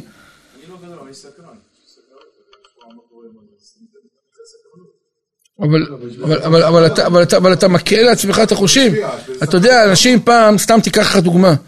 היה, איך קוראים לבחור? גלעד שליט, מה הוא היה? שבוי, כל המדינה הייתה איתו. פתאום אומרים לך, תשמע, 200, 240, אתה לא יודע על מי, אתה לא יודע על מי להצטער. על אותו תינוק. מישהו סיפר לי שיש שם את הזוג עם השתי תינוקות. אומר שבא, אומר שמישהו, שמישהו, ש, שמישהו יצא משם, הבנתי שסיפר שם דברים קשים על האבא.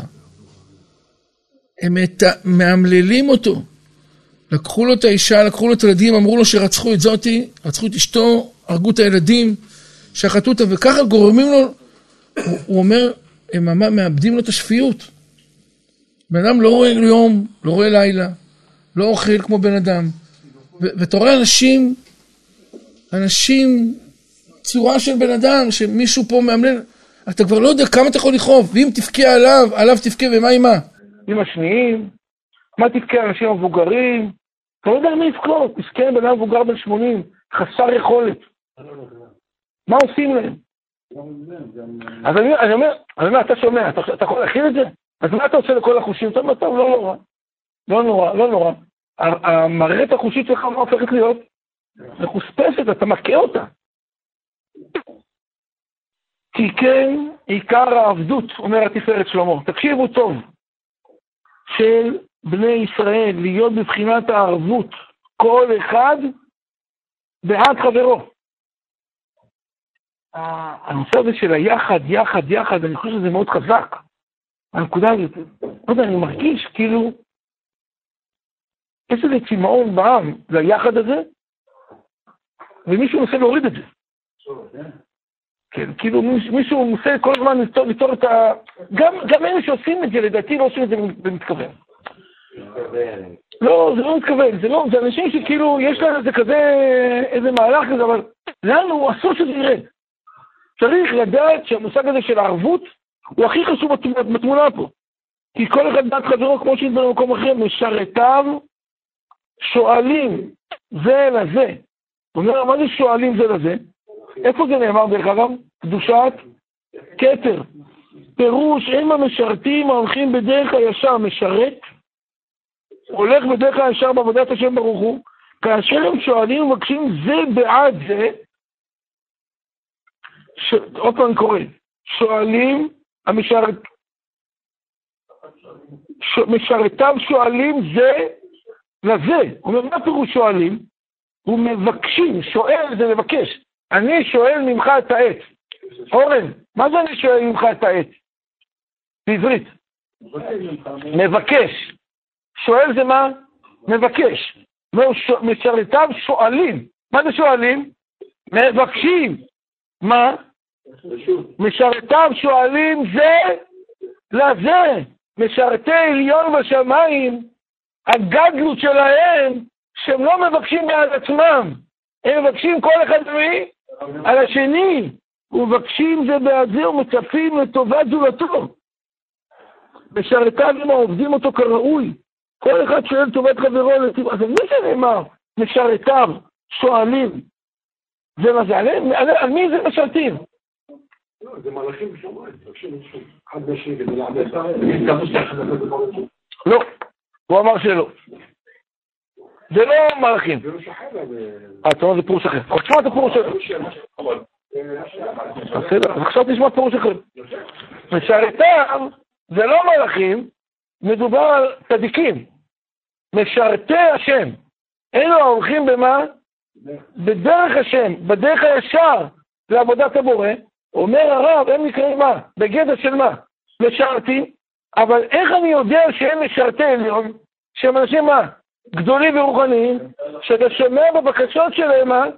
דרך אגב, אה, שמעתי על מישהו, הייתי באיזה כנס ראש ישיבת פרדה, אז הוא אמר, שימו לב, בתפילה לא תקנו שום דבר בתפילה בשם מערכית, הכל זה רפאנו, עננו, שמע קולנו, ברך עלינו.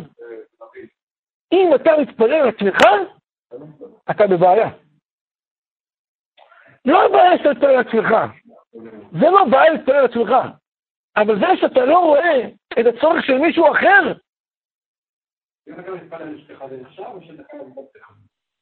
לא, אשתך זה, זה, לא, לא, אתה לא חייב ברבים. על אשתך זה ודאי שחסד עליון. אדם שמתפלל זה ודאי שחסד. זה מה שאומר, משרתיו, אלו הצדיקים שמשרתי מה? השם, שואלים בשמיים, פותחים את הלקסיקון של התפילות שלו, אומרים, הוא מבקש על זה, הוא מבקש על זה, הוא מבקש על זה. לא רואים שהוא ביקש על מי? בעצמו. מצפים לטובה זו... איך? אז הוא אמר שהמקום היחידי שחכמים קבעו את התפילה על, עצ... על עצמו זה אלוהי נצור לשוני.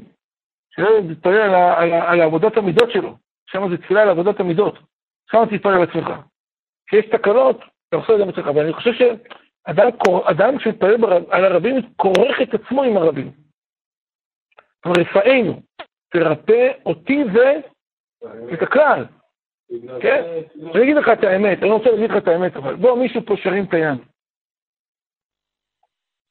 כמה אנשים פצועים קשה יש? כמה קטועי רגליים וידיים? כמה מתבוססים בחדרי ניתוחים? כמה נמצאים כרגע במה? עם רסיסים שלך תדע מתי יוציאו? כמה יש כאלה? לדעתי מאות. אני רוצה שמישהו יגיד לי אם נזלה לו דמעה על אחד מהם. לא. אני לא יודע, בתפילה כמה, כמה גם אדם השמיע, כמה אדם בתפילה התפלל לרפואתה ממש, כמה הוא- השקיע בזה, אומרים, אומרים, אנחנו אומרים הרבה, נכון. מה זה באמת כואב? מה זה, איפה זה בא לידי ביטוי? זה לא, זה לא. זה לא, זה לא. אני אשאל אותך שאלה. יש לבן אדם, ילד שלו לא מרגיש טוב, חס וחלילה. והוא צריך להביא לו מים. וצריך להביא לו לאכול. והילד אומר, אבא, אתה יכול לעזור לי? כואב לי, כואב לי שאתה לא יכול לאכול. אבא, אני צמא, כואב לי שאתה לא יכול לשתות. כואב, תביא לי, מה? מה זה כואב לי? הוא ילך עם המייזר, אבל כואב לי, כואב לזה. חסר מה לעשות. אם אדם, אני שואל אותך שאלה, אם אדם יבוא ומה? כמו שאמרתי, עיקר פרק תהילים, רבע של עשרים דקות לפני שהוא בא לתפילה. זה בעיה? פעם בשבוע במקום לקום במה? במקום ברבע לשש, יקום בחמש וחצי, לא חמש וחצי שקום. שיתרגל חמש וחצי, הוא מוכן לקרוא תהילים רבע שעה. אה? פעם אחת בשבוע עבור החולים. זה לא נתינה גדולה? אתה רוצה להגיד, לא, אתה קורא תהילים, אבל לא, אנחנו לא עובדים. כשאני אומר לעבוד, אתה רוצה להגיד לי שאם אתה תקום רבע שעה בבוקר ותקרא תהילים, זה אותו- כוח? אז מה הבעיה לעשות את זה? אלא מה? שאדם לא רוצה לזוז מאזור... כשאתה זז מאזור הנוחות שלך, אתה מתחיל להרגיש מה? קצת קושי, אבל זה צריך להיות. עכשיו אני אגלה לכם פסוק. וזה שנאמר, השמיעיני את קולך. רבותיי, קחו איזה מיליון דולר. כי קולך הוא מראך, מה זה קולך ערב? יש לו קול סטריאופוני, FM. יש לו קול צח. זה לא מה ששיר השירים מתעסק לי עם כוכב נולד. השמיעיני את קולך כי קולך ערב. אומר הקדוש ברוך הוא, אני רוצה לשמוע בקול שלך את הערבות. כי קולך ערב. לא ערב ששומעים אותו בפיוטים, זה חשוב, אבל זה לא הדיון. ערב כלפי אחר. ואז התפילה שלך מראך לבר, זה כבר תמונה אחרת בשמיים. השמיעי לי את קולך, כי קולך ערב. והנה זה הרמז. חזק מאוד מה שהוא אומר פה. וזה, והנה זה הרמז לדברי יעקב. י, ידעתי בני, ידעתי. גם הוא יהיה לעם וגם הוא יגדל. פירוש שהוא בבחינת צדיק. כזה משפיע טובות לעם ומתפלל עליהם. ועל ידי זה הוא יגדל. על מי הוא מדבר? הוא יהיה לעם. תראה מה הוא כותב. היינו שכל כולו בעד העם להשפיע עליהם ומתפלל עליהם. זוכה למדרגת הוא. ועוד מדרגה מבחינת יגדל כדי לעיר. בואו נראה. הוא רומז לעולם הנסתר, ועל ידי זה הוא יגדל. מה זה הוא יגדל? אשר שם רחמים גדולים, כמו שאומרים ממקומו, הוא עכשיו על כל הקדושה, ממקומו, הוא ייפר ברחמים לעמו. רחמיו לעמו, ברחמים לעמו, מה הפירוש? הוא מעורר חסד עליון, הרמז מבחינת גדולה, כמו שנאמר הכהן הגדול מאחיו. מה הוא אומר? נלמד בדברי יעקב יגדל ממנו על בחינת הגדולה, שהיא המשכת חסדים מבחינת הכהן הגדול מאחיו. וכל זה מדבר במעלת הצדיק, שהוא בבחינת מנשה. מי היה הקטן מי הגדול? מנשה הגדול. מנשה הגדול. אפרים מהו? הקטן. אם מנשה הגדול, אפרים, אין לנו כבר משהו אחר. אין משהו אחר. אפרים הוא הקטן. ואת מי הוא בירך? אפרים. אפרים ומנשה, כי ראובן ושמעון. הוא קיבל את הדרגה מה? הגבוהה יותר. אומר הרב, אז מה הוא אמר לו? יוסף אמר לו, אבא, זה הגדול. ידעתי בני ידעתי. גם הוא יהיה לעם וגם הוא מה? יגדל. אומר, כמו שאומרים במקומו יפן ברחמים לאמור, מעורר חסד גדול לרמז זה בחינת גדולה. כמו שאמר הכהן הגדול מאחיו, ואולם אחיו הקטון יגדל ממנו, וזרעו יהיה מלוא הגויים. פירוש, הוא יוציא כל הניצוצי הקדושה שנפלו בין העובדי כוכבים, על ידי זה הוא יוצמח לגאולה שלמה מקבץ יתחי ישראל. בואו נראה לאן הוא הולך. רמז יעקב בדבריו, נרמז בדברי יעקב יגדל ממנו על בחינת הגדולה, שהיא המשכת חסדים מבחינת הכהן הגדול מאחיו. וכל זה מדבר למעט הצדיק שהוא מבחינת מנשה. הוא אמר, גם הוא יגדל, על מי הוא דיבר? על מנשה. אומר לו, ומה? וגם אחיו הקטן עוד יותר יגדל ממנו. רמז יעקב בדבריו בדרגת הצדיק שהוא מבחינת אפרים, שמעלתו היא וזרעו יהיה מלוא הגויים, שיתמלא מכל הניצוצות שיוצאים מן הגויים. ושם לאור לבוטים מן הקודשם. אבל מה הפירוש? כמו שאומרים, ממקומו הוא יפל ברחמים לעמו. זה אני קצת לא מוצא פה. אז אני הולך לציונים, יש פה התייחסות. הוא רואה עוד פרשת וקהל, נו נתחיל ויהיו הקירובים, וזה פירוש משרתיו שואלים זה לזה, ממקומו הוא יפן ברחמים, פירוש הם משרתיו, הם הצדיקים האמיתיים. שמעת? משרתיו, משרתיו שואלים. לא המלאכים, דובר על מי? צדיקים. עובדי השם באמת, שלא על מנת לקבל פרס, לא בעולם הזה ולא בעולם הבא. כי בזה עודנו עובד את עצמו. אתה רוצה לעצמך פרס. רק המשרתים באמת, ועושה רצונו יתברך שמו באמת, הם מצפים רק לרוממות הבורא ברוך הוא. הם רוצים שיגדל מהכוח השם. לזה הם שואלים זה לזה. טוב, עכשיו הוא מוסיף לנו פה טיפה. תראה, אדם אומר, אני מבקש על אחר. מה אני מבקש על האחר? שיהיה לו מה? טוב, למה שיהיה לו, כאילו, מה המטרה? אומר רם, אם יהיה טוב לו, וטוב לו, וטוב לו, וכולם ידעו לתלות את זה בגדלות השם, יהיה קידוש השם בעולם יותר מה? גדול. השאיפה הרחוקה היא מה? היא גדלות השם. זאת אומרת, הצדקה. אתה נותן צדקה, אז הוא פחות מתלונן להשם. נכון. עושה שלום במרומיו. יפה. שואלים את החולים בתפילה לראות טובת החברו. וזה נאמר להלן, ממקומו הוא יפן ברחמים. מה זה ממקומו יפן ברחמים?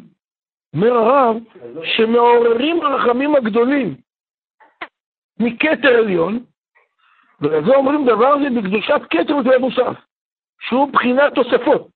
תפילת מוסף זה לשון של מה? תוספת. להביא השפע מחסד ולא להוסיף השפעות טובות על ידי גודל התעוררות, אהבת רעים. אוי אוי. כמו שאמר דוד המלך עליו השלום, ונתת שמחה בליבי מעת דגנם ותירושם רבו. וזה שייך בכל העניינים. כי גם בתורה ותפילה צריך להיות מגמת חפצו. וזה שהגעה בכל עניינים, כי גם בתורה ותפילה צריך להיות מגמת חפצו לראות במעלת חברו. כשאתה מתפלל, הלוואי וחבר שלי גם יזכה להתפלל במה? מכוונה גדולה יותר. וזה פירוש, ויהיו הקירובים פורסי כנפיים למעלה. רומז למעלת התפילה, כמו שנאמר, ובפריסכם כפיכם. שוחחים בכנפיהם להגן מצוותם ולעורר רחמים על ידי זה. ופניהם איש רכיב. למה הקרובים היו אחד כתב השני? אחד דאג לשני. אחד התפלל על השני. להסתכל על טובת חברו. וזה שנאמר להם בפרשה, מקבילות אותנו לאות אחת אל אחת. ויחבר את היריות אחת אל אחת בקרסים והיה משכן אחד. כי על ידי ההתארותא דלתתא, באחדות, טוב, הוא מדבר פה דברים חזקים וחד משמעיים, כאילו, זה נדרש כמו כפפה היום. כן, כי על ידי ההתארותא דלתתא, באחדות עם כל אחד ואחד מבני ישראל, אנו מעוררים גם כן למעלה איחוד, והיה המשכן אחד. פירוש ישכון בתוכנו אחדות הבורא ברוך הוא.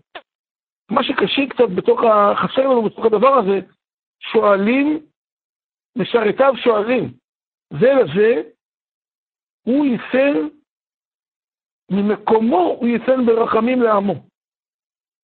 מה זה המקומו הזה? שכל אחד יצא מעצמו ויחשוב על האחר.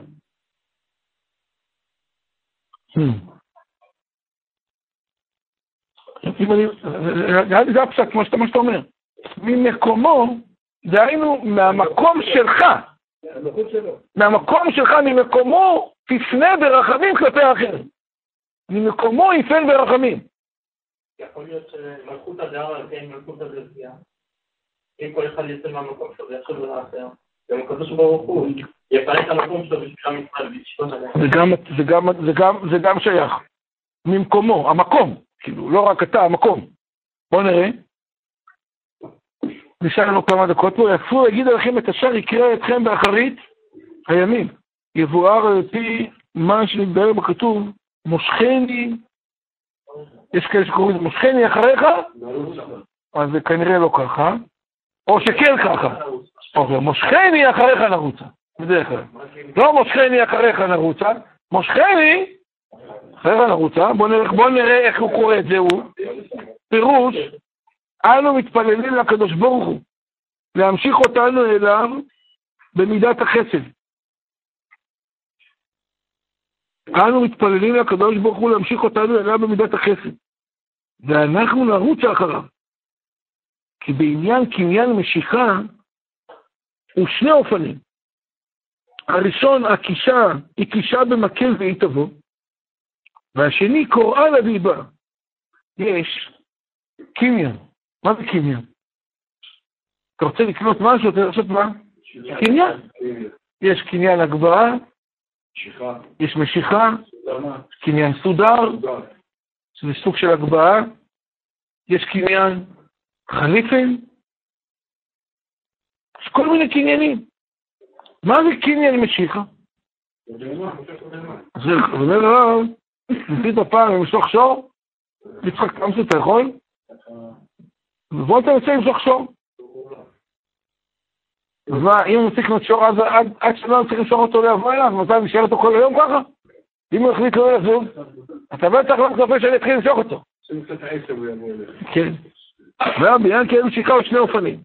הראשון, אחד מהדברים שהגמרא מציעה, היא קישה במקל. אתה נותן איזה הקשה, והוא מתחיל מה? לזוז. גם הוא רוצה לצאת מאזור הנוחות שלו קצת. כן. והשני קוראה לביבה, או שאתה קורא, אם אתה יודע לקרוא והוא ישמע לך, והנה באופן הראשון מבחינת תקישה במקל, הנה כבר לקינו והוצללנו בכובד הגלות המר. אומר, אומר התפארת שלמה, לקבל מכה בקניין משיכה כבר קיבלנו מכות. אך אנו מצפים להיות הגאולה בישועה באופן השני, מבחינת קוראה לה, והיא באה.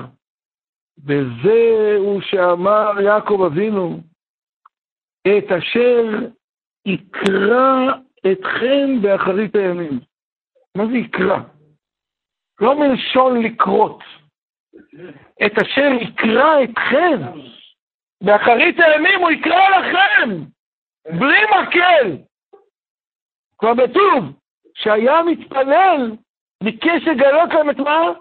את הקץ, שהיה להתפלל לאחרית הימים, זה ביאת הגואל, שאין בנו עוד כוח לסבול האיסורים, על זה חשש יעקב. מה יעשו בניי לאחר מכן? אין להם כוח למקל. כמה מקל? קניין, קניין, קניין. זהו, קיבלו מכות. שאין בנו עוד כוח לסבול האיסורים בכובד הגלות אמר. הנה יקרא אתכם בקריאה בעלמא, הוא יקרא לכם, בואו! והיה משיכה אליו בקריאה. והיא אומר רב, איך הוא יקרא לנו? מה, תקבל הודעה? ואם יש לך טלפון כשר, תקבל הודעה. הודעה קולית. הפוך הודעה קולית.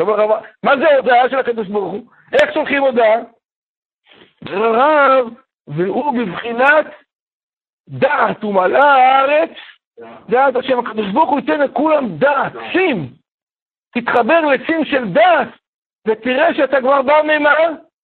מאליו, ואנחנו מתפללים, וזה מה שהתפלל. אבל זה קצת אחרת, האות לא מסתדרת. משיכה זה עם כף. אתה אומר עם הכולל. הכולל. היא מבחינת מה? כן. והיא... איך? איך? עם הכולל? בסדר, עם הכולל. כן, תזיז את החטא ככה. כן. והיא בבחינת, אומר רב הדת, ולא על ידי מה? ייסורים חדש שלו. וזה נאמר, השיבנו השם אליך. תקרא לנו על ידי דת ונשובה. בתשובה שלמה, חדש שם כזה, ואז אני חוזר חזרה עכשיו לתחילת הפסוק. מושכני, אחריך נרוץ. אם אתה קדוש ברוך הוא תמשוך אותה, מה זה מושכני? עכשיו חוזר חזרה. לא, מה זה מושכני? קצת חושן משפט. מה זה מושכני? קניין משיכה! אחריך לרוצה, אנחנו רוצים בקניין משיכה, שהקדוש ברוך הוא עושה איתנו קניין, אחריך לרוצה ולא יודע מה, מקל, מקל הוא היה, וזה התפילה של מי? של יעקב. חזק מאוד רבותיי, אתם דקים אדוני לכם.